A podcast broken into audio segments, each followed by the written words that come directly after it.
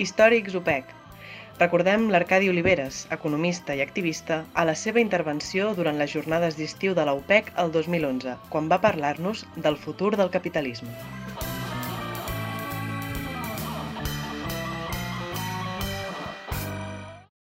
M'agradaria preguntar si és que aquest capitalisme triomfant a desrat nostre i malgrat totes les seves pegues que ell ha assenyalat, no tindria algunes petites febleses que podríem anar atacant, si aquesta és una crisi més o menys greu que la de l'any 29.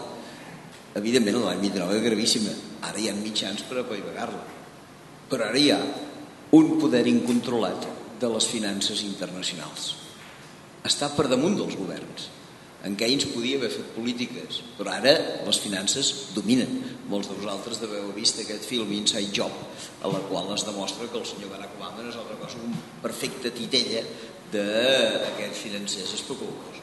Eh, vaig llegir no fa gaire que els set darrers ministres d'Economia, en diríem aquí, secretaris del Tresor en diuen allà dels Estats Units, en cinc casos els ministres o els secretaris. En dos casos, els viceministres o els secretaris, tots set, tots set, abans de ser ministres o viceministres, eren directius de la banca Goldman Sachs. Tots set. Ara està a punt de plegar el senyor Trichet, que ha conduït la banca europea durant els vuit darrers anys. Ja han nomenat el seu successor, el senyor que a partir de l'1 de novembre ocuparà el càrrec, que és un italià que es diu Draghi. A hores d'ara és el president del Banc Central d'Itàlia però fins fa 4 anys treballava a la banca Goldman Sachs. Eh, amb la qual jo em pregunto en quina mesura aquestes finances estan fora d'una realitat i fins i tot m'atreviria en quina mesura aquestes finances poden trencar el capitalisme en la mesura en què les finances van per un costat i el capitalisme industrial, la General Motors o qualsevol altra cosa pot anar per un altre costat. És a dir, si això que dic no seria una petita feblesa o una gran feblesa, potser, d'aquest capitalisme, el desnivell de les finances. L'altra qüestió que en Salvador l'ha enfocat molt bé, aquest capitalisme no fracassarà per manca de recursos. En la crisi del 29 del 30 podíem tirar de neta, ningú havia pensat mai en aquesta joiosa paraula ecologia, però ara, si no ho he entès malament, ja hem superat, crec recordar que des de 1986 la capacitat de reproducció dels recursos. Pel que puc llegir, fins 1986 tot allò que destruïem el planeta ho reproduïa l'any següent però des de 1986 la capacitat doncs, dels boscos, la capacitat de la purificació de l'aigua, de la neteja de l'aire, de la capa d'ozó, ja no la reproduïm l'any següent.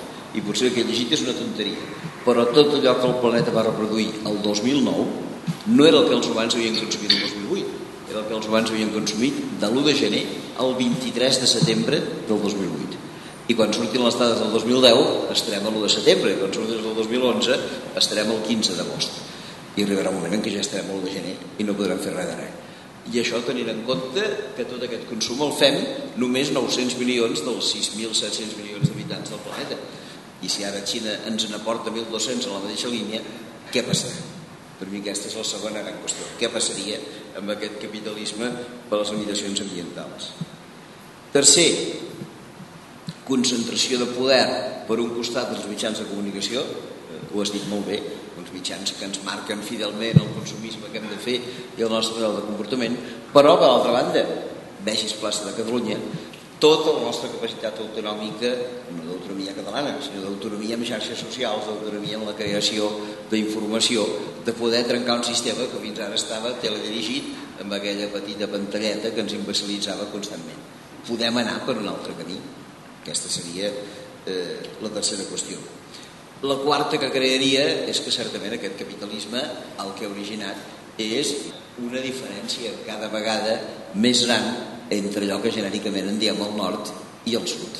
Eh, jo recordo que en aquells temps meus a facultat, doncs, quan em deien què passava amb els quintils, el primer de tots, el 20% més ric de la població mundial, em penso que no tenim estar renda, que no és quan terme per expressar coses, superava amb 30 vegades el darrer dels quintils i ara penso que ja no estem en 30 sinó 85 o 90 o 100 i és clar potser un dia això esclatarà no crec que esclati a Somàlia amb la gent que es morirà allà doncs, eh, fugint cap al Iemen però sí que pot esclatar d'una manera o altra. I aquestes diferències demostren una feblesa enorme eh, del capitalisme.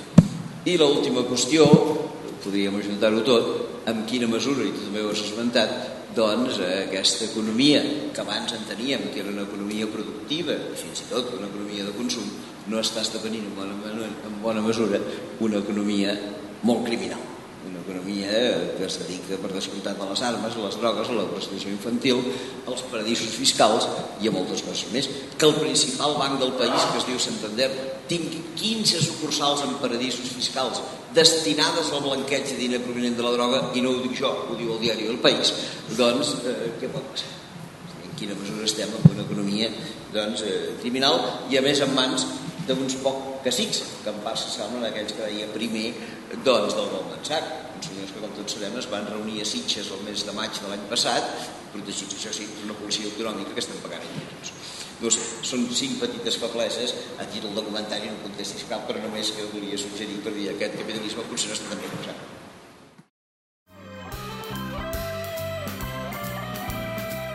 Acabeu d'escoltar l'Arcadi Oliveres a una intervenció a les jornades d'estiu de l'UPEC del 2011. Podeu escoltar altres referents polítics, intel·lectuals i acadèmics al nostre canal podcast.upec.cat i seguint-nos a les nostres xarxes socials.